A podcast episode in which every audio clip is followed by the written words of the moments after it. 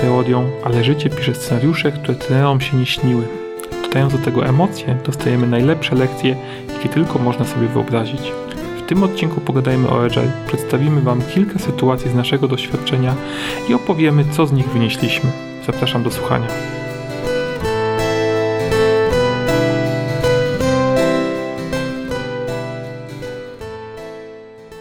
Cześć Piotrze. Cześć ponownie. Zanim zaczniemy, to nie wiem, czy słyszałeś, że w Sopocie otworzyło się nowe miejsce, które może być idealnym miejscem na integrację pociągów. Nazywa się bodajże odlotowa kolejka, czy jakoś tak.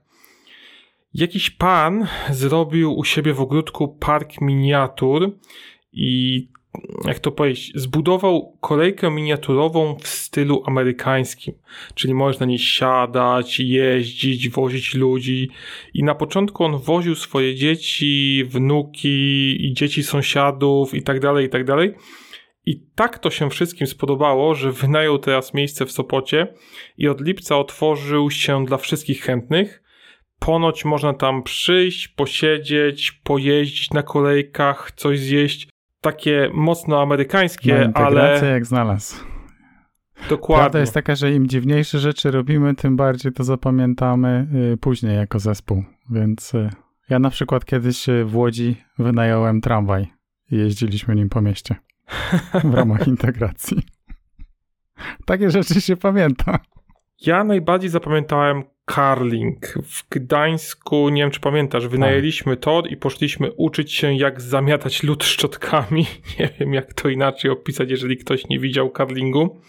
Była to jednak fenomenalna zabawa i bardzo dobrze ją wspominam. Tak, też, też miło wspominam. I w ten sposób możemy płynnie przejść do naszego dzisiejszego tematu, ponieważ chcielibyśmy porozmawiać o sytuacjach, które utkwiły nam w pamięci, a pochodzą z naszego doświadczenia Scrum Masterskiego, coachowego, project managerskiego e, i chcielibyśmy się nimi po prostu podzielić, mówiąc jednocześnie, jaką lekcję, jakie nauki my z nich wyciągnęliśmy. Nie ograniczaliśmy się i nie ustaliliśmy wzajemnie obszaru, w jakim się będziemy poruszać. I po tym, jak ja spisałem swoje doświadczenia, które chciałbym przedstawić, zauważyłem ciekawą rzecz, że żadne z tych doświadczeń nie wiąże się właściwie z narzędziami, ceremoniami, ale wszystkie wiążą się z ludźmi i emocjami, jakie mm, te relacje wywołały. No pewnie to tak działa, bo no chyba w ogóle mózg tak działa, że zapamiętuje te rzeczy, które są albo bardzo przyjemne, albo bardzo nieprzyjemne. Tak, to na pewno. No dobra, nie będziemy przeciągać wstępu, więc może po prostu zacznijmy. Opowiem teraz swoją pierwszą sytuację z mojej listy, którą ty już zapewnie nie raz ode mnie słyszałeś, ponieważ przytaczam ją prawie zawsze, e, gdy chcę powiedzieć o zarządzaniu interesariuszami projektu czy pociągu. To, co jest ważne, żeby tutaj zaznaczyć, że ja zaczynałem swoją pracę zawodową jako automatyk. Pracowałem na fabrykach, e, układałem przewody, projektowałem linie, uruchamiałem linie produkcyjne i pewnego razu pojechaliśmy na jedną z takich instalacji. To był duży temat. Montaż miał zająć parę tygodni.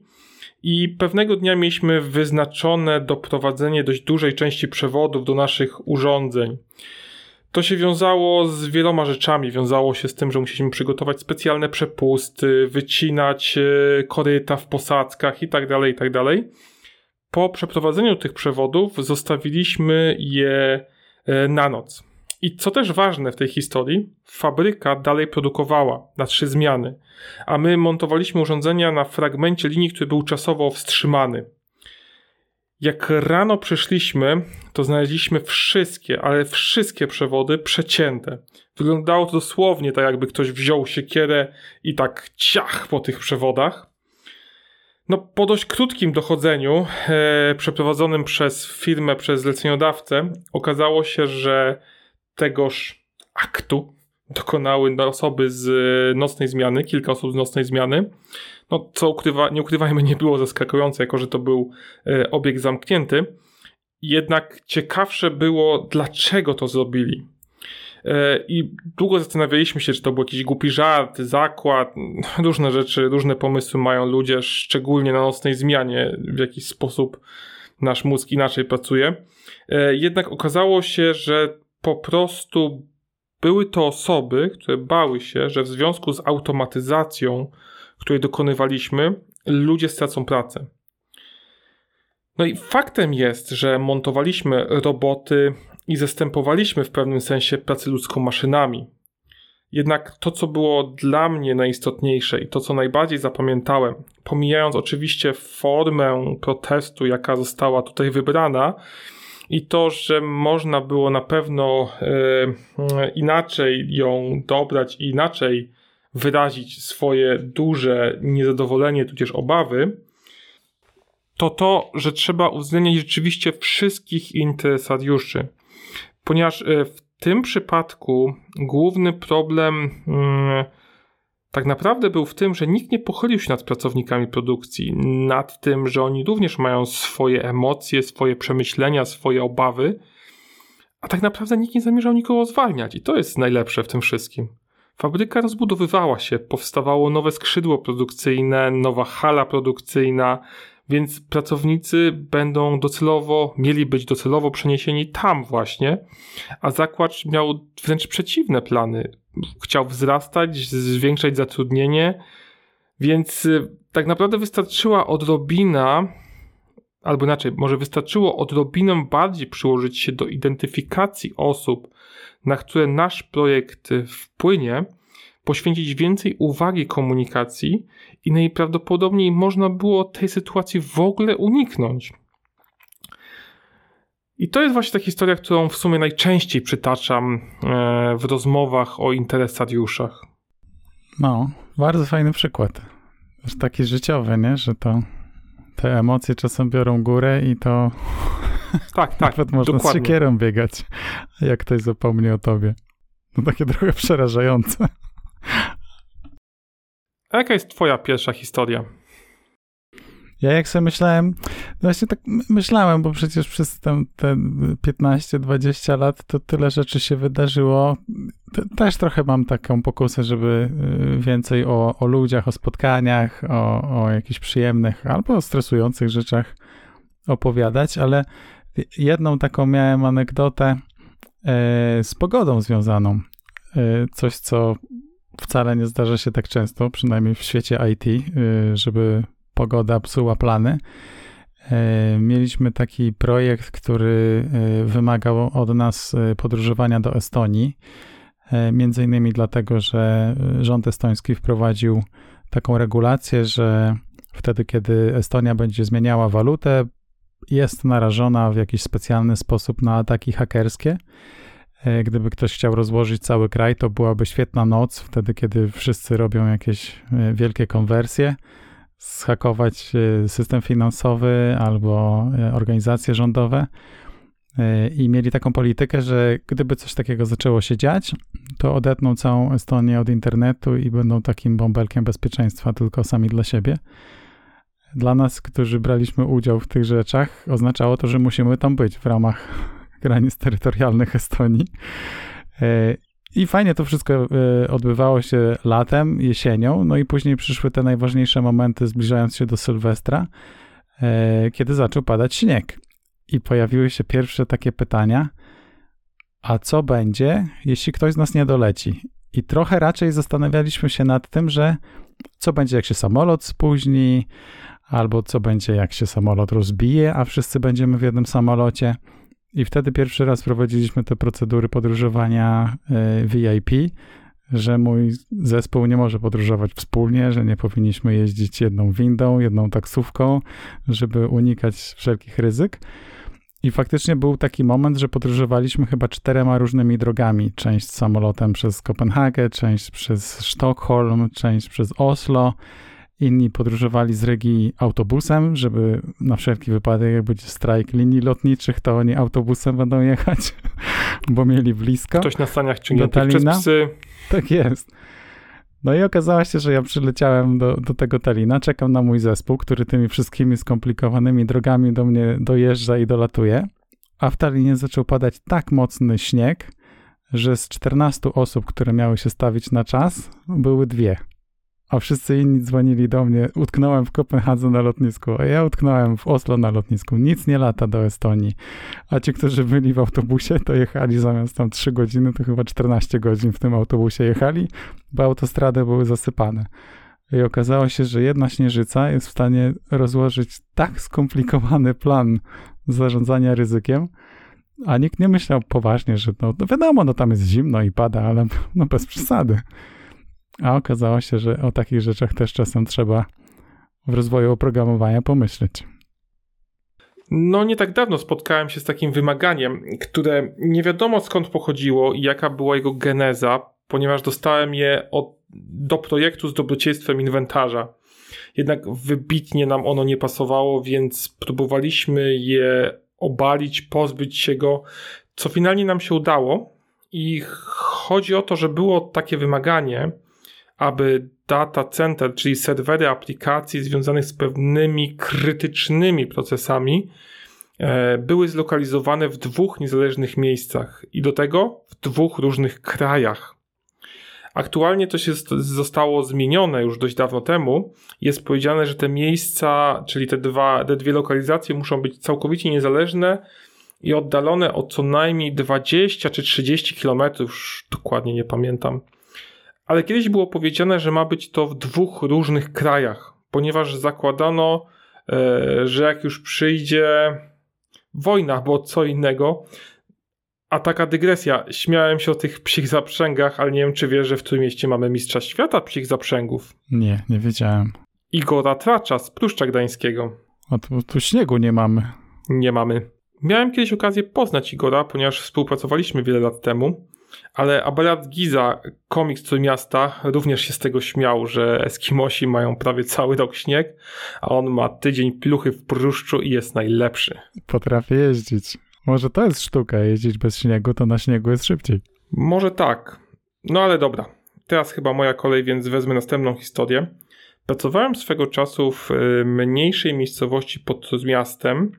Pracowaliśmy w takiej łączonej roli inżynierów i kierowników projektu, czyli opiekowaliśmy się przypisanymi obszarami produkcyjnymi y, i prowadziliśmy projekty w tych obszarach. Mieliśmy takie biuro, w którym byliśmy w pięć osób zgromadzeni i mieliśmy tam również nie za duży stół konferencyjny, aby móc prowadzić spotkania głównie wewnętrzne lub z pojedynczymi dostawcami. E, był to mój pierwszy rok pracy w tej firmie. Okres taki jak teraz, końcówka października. Pomyślałem więc, że może miło będzie, jeśli zrobię coś, co w Trójmieście jest mm, dość często praktykowane. Kupiłem małą dynię. Wydrążyłem ją, wyciąłem buzię, wstawiłem świeczkę i jako, że ja jestem bardzo przyczulony na punkcie bezpieczeństwa, więc aby nie robić sobie i innym problemów, wstawiłem świeczkę LEDową. Przyniosłem, postawiłem na tym stoliku konferencyjnym i spotkało się to z bardzo dobrym odbiorem moich kolegów z biura, którzy mówili, że super pomysł, miły akcent i tak dalej, i tak dalej. Ale podczas pierwszego spotkania z dwiema osobami, które pełniły wtedy rolę kierowników działów, e, te osoby przyszły, usiadły i zaczęły rozmawiać, że co to jest, że żyjemy w katolickim kraju, że skąd Halloween, czy my nie mamy swoich tradycji i tak dalej, i tak dalej. I chcę tu wyraźnie zaznaczyć, że w ogóle nie chcę poruszać tematu uczuć religijnych, wyznania, ponieważ z mojej perspektywy nie miało to nic wspólnego z tą kwestią, ale mm, tak naprawdę okazuje się, że przygotowując tę dynię, całkowicie pominąłem pewien aspekt i się nad nim nie zastanawiałem. A mianowicie nie zastanowiłem się, e, w jaki sposób, czy tam w jakim środowisku pracuję. E, dlatego zaznaczyłem na początku, że jest to mniejsza miejscowość pod miastem, ponieważ religijność pojmowana w sposób tradycyjny i związane z tym odczucia religijne były tam zdecydowanie bardziej żywe niż y, w korporacjach w Trójmieście, z których wiele pochodzi ze Stanów Zjednoczonych lub innych krajów zachodnich. I osoby, o których mówię, były rzeczywiście urażone tą sytuacją. Mm, to nie było tak, że ona się rozeszła całkowicie bez echa. Jeśli dobrze pamiętam, to chyba mój kierownik musiał się w to włączyć, z nimi porozmawiać, załagodzić sytuację. Finalnie więc nie było żadnych większych konsekwencji, jednak z czegoś, co miało być no, sympatyczną niespodzianką, miało być po prostu sympatyczne, zrodził się konflikt i pozostał pewien niesmak u wielu osób. Po pewnym czasie zacząłem na tę sytuację patrzeć nieco inny sposób i zacząłem wyciągać dalsze wnioski. To znaczy, weźmy na przykład prezentację. Prowadząc prezentację, jesteśmy przed grupą osób i każda z tych osób patrzy na nas na swój pryzmat, e, przez swój pryzmat. Znam na przykład osobę, która bardzo dużo uwagi zwraca na paznokcie. E, to znaczy patrzy, czy są one zadbane, czy nie. Mam też koleżankę, która jest e, bardzo przyczulona na punkcie długości rękawa i rękawa koszuli i marynarki w, u mężczyzn. Zwraca dużą uwagę, czy jest ona zachowana, czy już nie pamiętam. Na jeden palec dłuższa musi być e, koszula od marynarki i tak dalej. Jeżeli nie masz tego, to uważa cię, wiesz, trochę za takiego fleje, niech ja trochę tu przesadzam, no ale... Ale zwraca uwagę na takie rzeczy. Tak. Każdy z nas zwraca uwagę na coś innego. I to jest mój wniosek. Jeśli nie wiem, dla kogo będę prowadził prezentację, nie znam tej grupy osób, to staram się być jak najbardziej neutralny. Rezygnuję często nawet z żartów, jeżeli naprawdę nie mam zielonego pojęcia, do kogo będę mówił. Żarty uniwersalne. No może dobra, trochę tu przesadziłem, ale zdecydowanie utrzymuję je na bardzo, bardzo neutralnym poziomie. Fajnie jest też myśleć o tym, jak robi się prezentację, bo ja przez moment miałem taką zagwostkę wtedy, kiedy świętujemy sukces i robimy sobie taki slajd na sam koniec i tam jest szampan i bąbelki. I to jest super slajd, kolorowy, ładny i taki właściwie życiowy. Jak ten szampan jest zmrożony, to nawet widać szron. Ale jeśli ktoś na przykład ma problem z alkoholem, to, to nie jest najlepszy sposób, żeby pokazać, że świętujemy. To mogłaby być czapeczka, trąbeczka, balonik, cokolwiek innego, co w jakiś tam sposób nie dotyka tych tematów, które dla kogoś mogą być akurat w danym momencie życiowym trudne.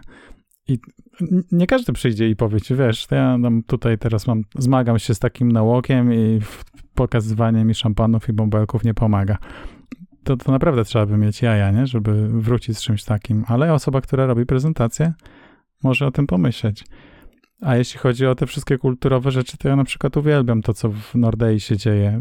Y, pamiętam takie podróże do Sztokholmu, kiedy oni świętowali, to się nazywa Santa Lucia, świętej Łucji, i chodzą po biurze ubrani na biało w takie togi, z świeczkami na głowie albo w rękach, lampiony i śpiewają jakieś takie piosenki szwedzkie.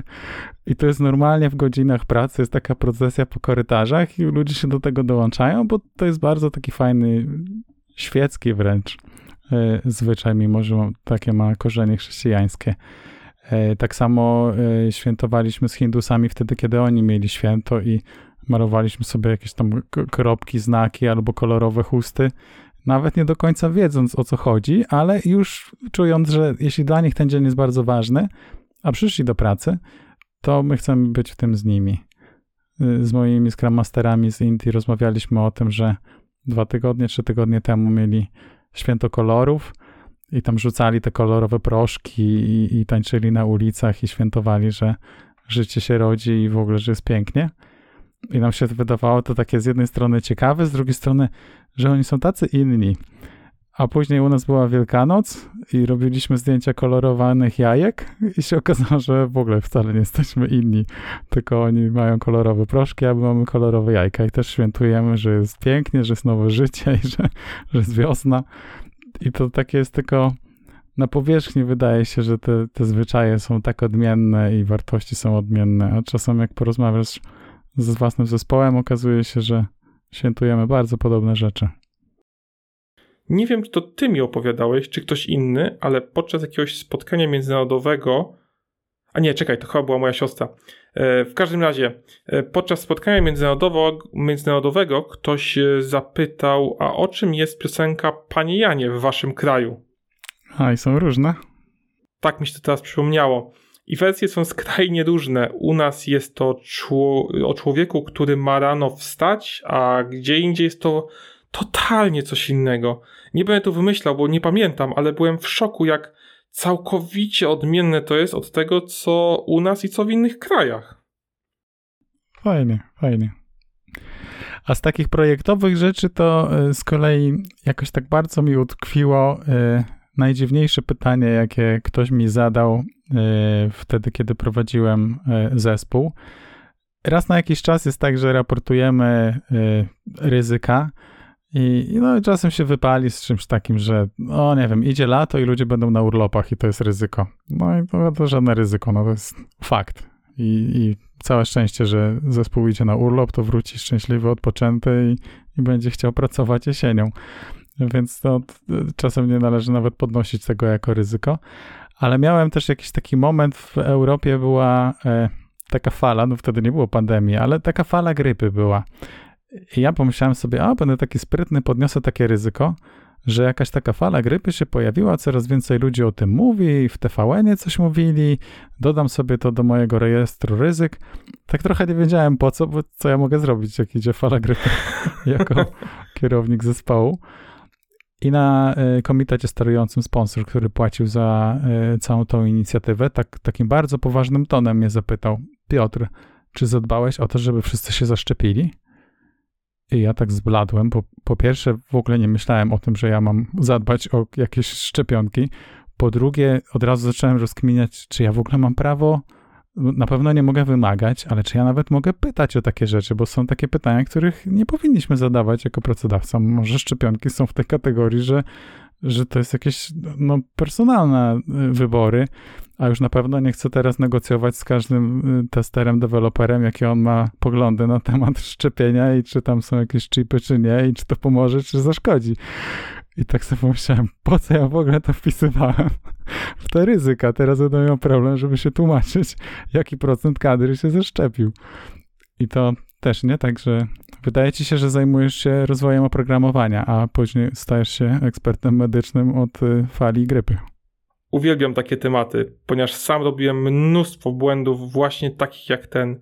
Chcesz być świętszy od papieża, podnosisz temat, a to potem ci się odbija czkawką i zgodnie z zasadą Pareto zajmuje ci 80% twojego czasu. Tak jest.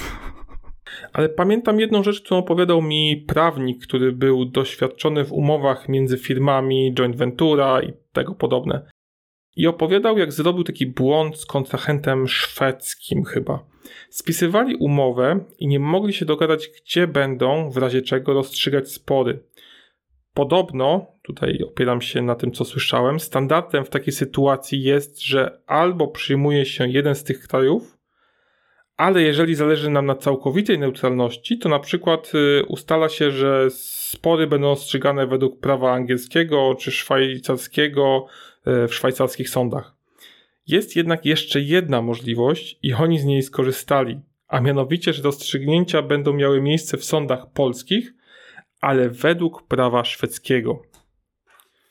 No i niestety w przypadku tej umowy, a może i stety, bo dzięki temu mogę o tym opowiedzieć, e, interwencja sądu była niezbędna. W związku z tym e, w związku z tym no, trafili do, do, do sądu. I to też ważne, z tego co pamiętam, to obydwaj byli niedoświadczonymi prawnikami. To znaczy, zarówno ten, ta osoba, która mi to opowiadała, jak i osoba, jego odpowiednik po szwedzkiej stronie. Więc e, jak trafili do sądu, to na początku sprawy sędzia w ogóle ich przywołał i zapytał: Panowie, czy w ogóle macie pojęcie, co żeście zrobili, co się teraz będzie działo?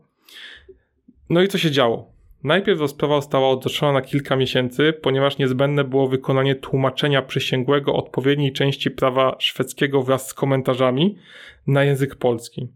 Potem sędzia musiał się z tym zapoznać, a finalnie nasz e, polski prawnik był w dość e, niefortunnej sytuacji, żeby nie powiedzieć, że na przegranej pozycji, ponieważ sędzia rozumiał, co przeczytał, ale i tak w wielu aspektach szwedzki prawnik tłumaczył mu zawiłości prawa szwedzkiego. No, był to taki typowy błąd y, początkującego. Że miało być łatwiej. Tak, tak. A wyszło jak wyszło, niestety. Ale z bardziej projektowych rzeczy czasami przychodzi nam prowadzić negocjacje. Oczywiście to zależy od tego, nad czym pracujesz, w jakim środowisku i tym podobne. Pamiętam taką jedną historię, która wpłynęła mocno na późniejszą współpracę z osobami introwertycznymi, do których zdecydowanie nie należę. Historia była opowiedziana przez y, jedną osobę, która zjadła zęby na negocjacjach i mówiła, że często spotyka się w swojej pracy z prezesami, dyrektorami, którzy przeszli krótkie szkolenia z negocjacji, gdzie mówiono im o dość specyficznych technikach, takich jak e, podkręć ogrzewanie, e, spóźnij się na spotkanie, postaw siebie w wygrywającej pozycji. Mówiła również, że podchodzi do tych sytuacji bez złości, ponieważ ci ludzie tak naprawdę nie wiedzą, czym są negocjacje. Nikt im tego nie powiedział i nie wiedzą, że celem jest obopólna korzyść i jej rolą jako osoby lepiej obeznanej w tym temacie, bardziej doświadczonej, jest poprowadzić ich i pokazać, wytłumaczyć.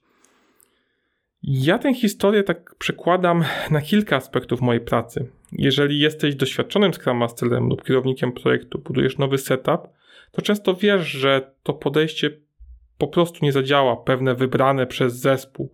Wiesz, że było testowane setki razy i nie ma szans się udać. Ale jeśli zespół twierdzi, że to jest najlepsza metoda, no to warto odpuścić, powiedzieć sobie, dobra, uczymy się razem, doświadczcie tego.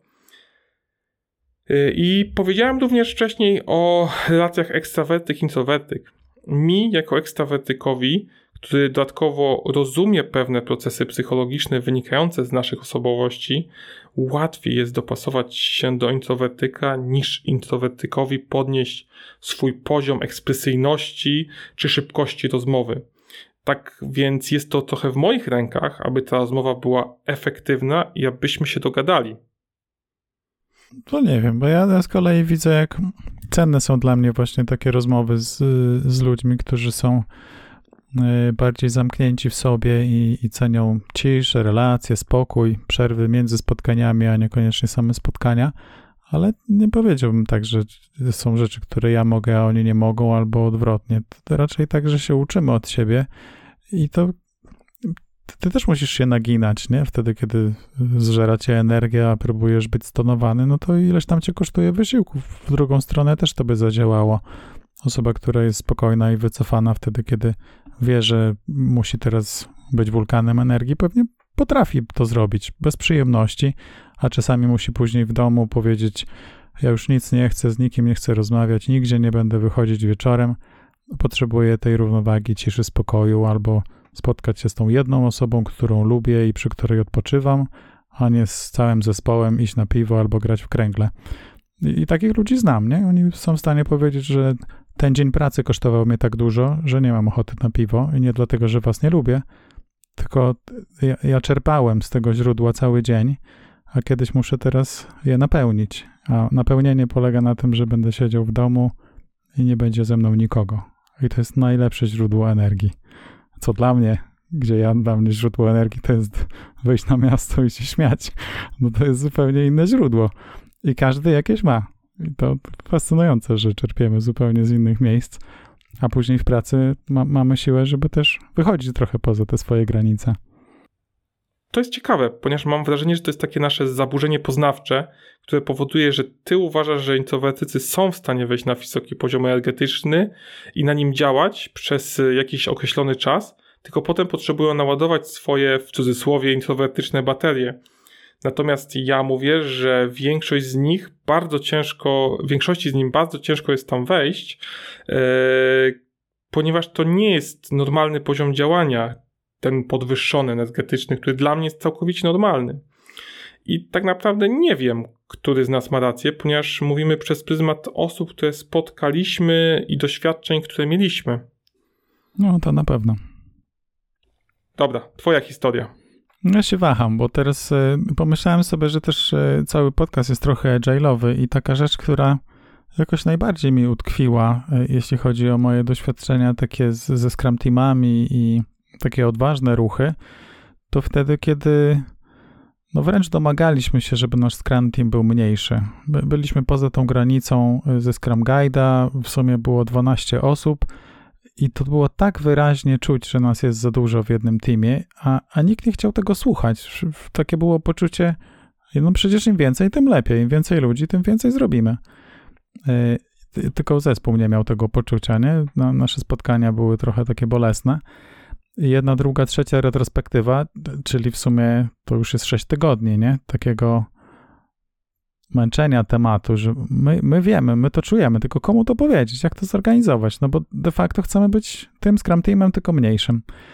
No i potem zaczęły się dziać fajne rzeczy, bo w końcu ktoś to, to usłyszał i wtedy, kiedy z 12 osób zrobiło się 9, to tak fajnie wszyscy dostali skrzydeł. Te wszystkie spotkania, które były rozpisane, one były dalej ten sam czas, prawie ci sami ludzie, a były tak przyjemne. Nie, nie dlatego, że wzięliśmy tych jakichś najdziwniejszych i usunęliśmy ze Scrum Teamu, tylko po prostu było nas mniej i nikogo nie musieliśmy zwalniać. Po prostu ludzie pozamieniali się pomiędzy zespołami, byli pomocni tam, gdzie to miało sens, a my jako dziewięć osób robiliśmy więcej niż jak było nas 12.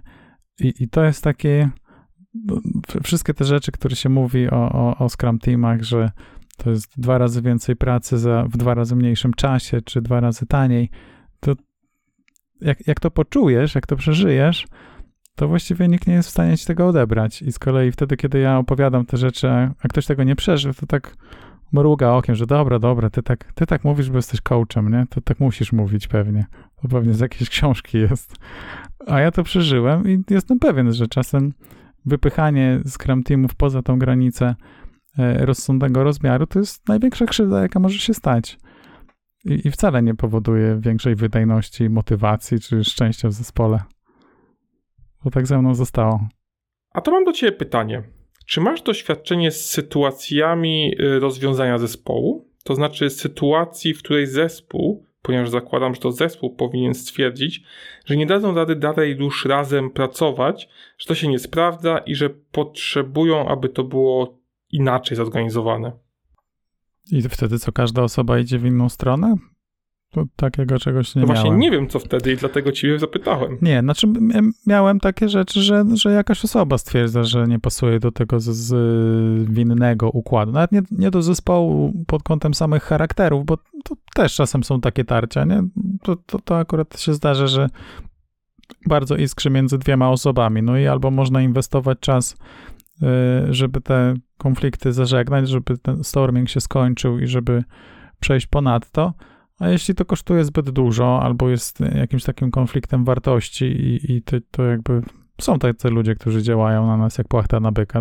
Nie, nieważne, jakie mamy dobre intencje. Oni powiedzą dwa, trzy słowa i, i, ja już jestem wyprowadzony z równowagi. I dużo mnie kosztuje, żeby w jakiś sposób zachowywać się jak profesjonalny coach i, nie pokazywać tego, nie wchodzić w ten agresywny ton.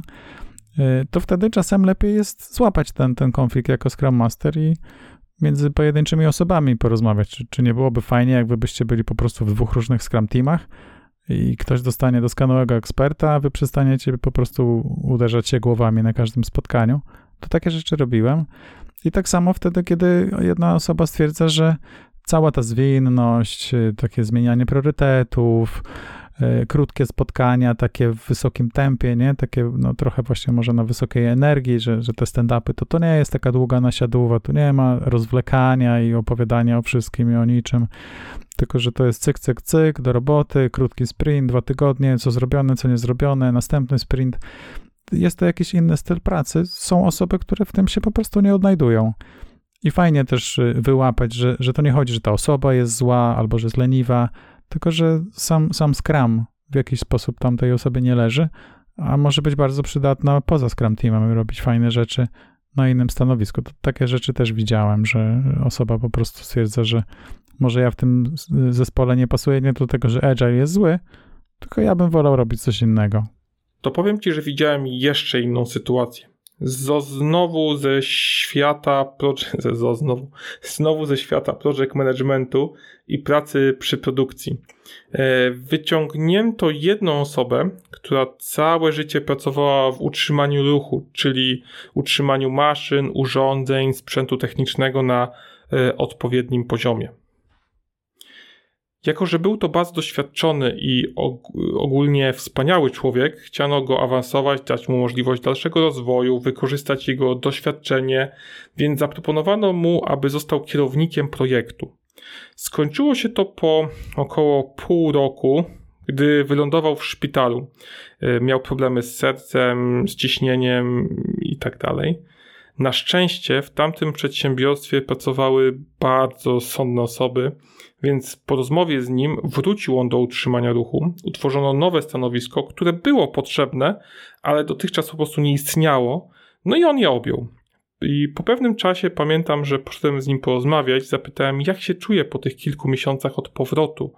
Powiedział, że rewelacyjnie. Stwierdził, że nie nadawał się do zarządzania projektami i mówił, że każda, każda absolutnie rzecz, za którą był odpowiedzialny jako kierownik projektu, ale której samodzielnie nie wykonywał, była dla niego tak potężnym brzemieniem, że nie potrafił sobie z tym po prostu poradzić. Więc y, zapewne tak jak mówisz, nie wszystko jest dla wszystkich. Zapewne są osoby, dla których Scrum również nie jest ich światem, a są jeszcze aspekty personalne. Mam na przykład w głowie nazwisko dwóch osób, które powiedziały, że nigdy, nigdy za żadne skarby nie będą razem pracować. Po prostu nie i koniec. No, ale to fajnie to wiedzieć. Tak, to się zgadza. A mam jeszcze inne pytanie do ciebie. Dotyczy mojego setupu, nie bezpośrednio mnie, ale zaczęło mnie intrygować. E, chcę zatrudnić nowe zespoły deweloperskie. Z doświadczeń, które widziałem i o których słyszałem, wynika, że przeprowadzenie wdrożenia nowych zespołów w następujący sposób, czyli bierzemy istniejący zespół, dzielimy go na trzy, na tej podstawie budujemy nowe zespoły, jest nieefektywnie, nie sprawdza się. Nie mamy przecież żadnych podstaw, aby twierdzić, że wzięcie i podzielenie świetnie prosperującego zespołu spowoduje, że utworzymy kilka świetnie działających zespołów. Rozwiązaniami, e, z którymi najczęściej się spotykałem, było więc pair programming, dawanie zadań, mentoring, szkolenia, prezentacje itd., tak itd. Tak Czy masz jakieś swoje przykłady? Czy znasz jakieś setupy, w których było to efektywnie przeprowadzone i w których w dość krótkim czasie uzyskano wydajnie pracujące zespoły? Znaczy, na pewno byłem w zespołach, które są zupełnie nowe i powiem ci, że w dużej mierze to był atut, to była taka wspólna część, to co wszystko, jak to powiedzieć, takie coś, co łączy nas wszystkich. To, że jesteśmy wszyscy tutaj nowi. E, I, I było w tym coś takiego trudnego, no bo wszyscy są nowi, czyli co robimy i jak to robimy. I, i wtedy można się posilać wiedzą z innych istniejących zespołów, którzy byli przed nami. Y, natomiast y, właśnie to takie mieszanie, że mamy trzech ze starego teamu, jeszcze pięć nowych osób i mamy teraz, od razu jest taki podział, nie? Cokolwiek byś nie robił, to natychmiast ci starzy znają się lepiej, oni pamiętają jakieś fajne anegdoty, coś ich łączy, czego my nie mamy, a z kolei ci nowi próbują jakoś tam udawać, że tak wcale nie jest, że, że, że, że yy, jesteśmy wszyscy równi i z automatu wtedy ci nowi trzymają się w kupie. No bo co ich łączy? Oni wszyscy są nowi. I ci starzy tego nie mają. Teraz ci nowi mają jeden team, a ci starzy drugi team i no Scrum Master próbuje to zrobić, żeby tak nie było i żeby wszyscy mieli wspólne, nowe przeżycia, właśnie jakieś kręgle albo lot w kosmos, albo cokolwiek tam wymyśli, żeby to było to coś, czego nie robili razem, a teraz mają to jako wspólną pamiątkę, tą, tą, tą etykietkę zespołu, że to jesteśmy my, można zmieniać nazwę zespołu, żeby nie było tak, że niektórzy byli tu przed nami i wtedy mamy nowe otwarcie. To są różne triki. Natomiast dla nas to była taka ogromna wspólna rzecz, że jesteśmy całym nowym teamem. Scrum Master nowy, Product Owner nowy, cały team nowy. Jesteśmy osadzeni w jakiejś organizacji, czyli część narzędzi, część e, ceremonii jest zdefiniowana z góry. Można pójść na spotkania z innymi ludźmi i zapytać, jak to robią. E, I później kwestia tylko właśnie tych e, Mówiliśmy chyba już o tym Community of Practice, takie spotkania, gdzie deweloperzy rozmawiają z deweloperami o standardach, testerzy z testerami, o sposobach testowania, Scrum Masterzy z Scrum Masterami, o tym, jakie mamy tutaj zasady i, i tak dalej, nie? I tam poznajemy tych przyjaciół, y, którzy robią podobne rzeczy jak my, a z kolei y, w ramach Scrum Teamu jest to takie jakieś tam jednoczące, że jesteśmy nowym zespołem i wiadomo, że to i obciąża te zespoły, które istnieją, bo oni będą musieli w jakiś sposób nam pomagać, tłumaczyć. I jest oczekiwanie, że pierwsze nasze zadania będą troszeczkę z tych prostszych, żeby można było sobie potestować jakiś prototyp, jakiś pilot, może coś, co nie ma krytycznego deadline'u i nie może się wysypać, bo to, to za bardzo stresująca sytuacja dla nowego teamu. Więc y, troszeczkę takiego niańczenia, jeśli chodzi o tą współpracę między zespołami, ale super mi to odpalało, jeśli chodzi o, o budowanie zupełnie nowego teamu.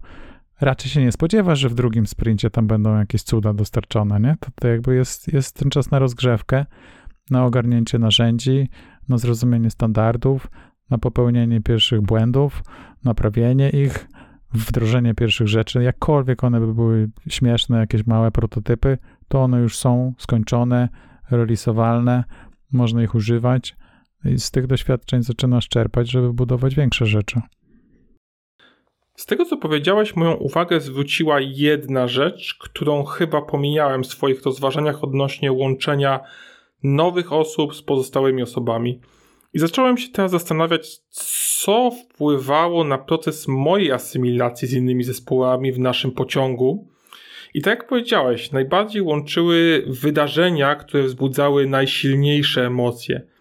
Zarówno te pozytywne, tak jak na przykład wyjście integracyjne, oficjalne, nieoficjalne, e, wspólne spędzanie czasu, lub negatywne, takie jak gdy mieliśmy problemy z aplikacjami produkcyjnymi, e, z pewną grupą deweloperów spędziłem wtedy kilka ładnych wieczorów na usuwaniu incydentów.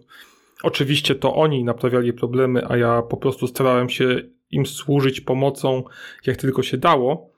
No i po takim jednym, drugim piątku, gdzie spotykaliśmy się jeszcze na kolach o 21, 22, w poniedziałek rano rzeczywiście miało się wrażenie, że byliśmy sobie dużo bliżsi niż kilka dni temu. Tak, oczywiście. No dlatego właśnie chcemy, żeby zespoły zaczęły dostarczać szybko, bo to jest przygoda sama w sobie. Czasem niebanalna, trudna, z wszystkimi przeciwnościami i ten zespół właśnie tą przygodę współdzieli.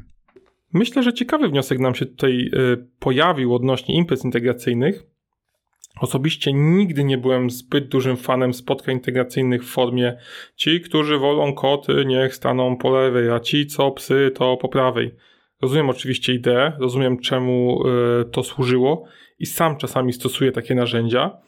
Najbardziej jednak zbliżającymi zespoły spotkaniami były te, które wzbudzały y, większe emocje. Pomijając oczywiście takie imprezy jak wyjście do escape roomu czy na karty, gdzie można jeszcze dołożyć elementy zdrowej rywalizacji, to w mojej głowie najbardziej chyba utkwiło takie ćwiczenie polegające na tym, że stawaliśmy naprzeciwko siebie i każda osoba miała robić e, po jednym kroku w kierunku drugiej osoby. W pewnym momencie któraś osoba rezygnowała, nie chciała zrobić kolejnego kroku. W ten sposób poznawało się, gdzie jest tak naprawdę granica tej drugiej osoby. I Bardzo pamiętam, fajne. że to ćwiczenie zawsze robiło na mnie duże wrażenie. Myślę, że na tym etapie możemy zamknąć temat. E, chyba, że ty chciałbyś coś jeszcze dodać? Nie, świetna rozmowa. Możemy więcej, możemy taki cykl anegdot i niespodzianek, bo to każdy z nas pewnie ma dużo więcej. Tak, tak myślę. Nasz podcast ma nazwę Agile, co nie oznacza, że musimy się sztywno trzymać jednego tematu, jednak kiedyś proponowałeś tematy w stylu 5 największych wyzwań w pracy Safe albo nasze doświadczenia w pracy z product ownerem. Myślę, że do takich tematów wrócimy. No super. Pomysły są. Super, dzięki za dzisiaj. Dzięki wielkie.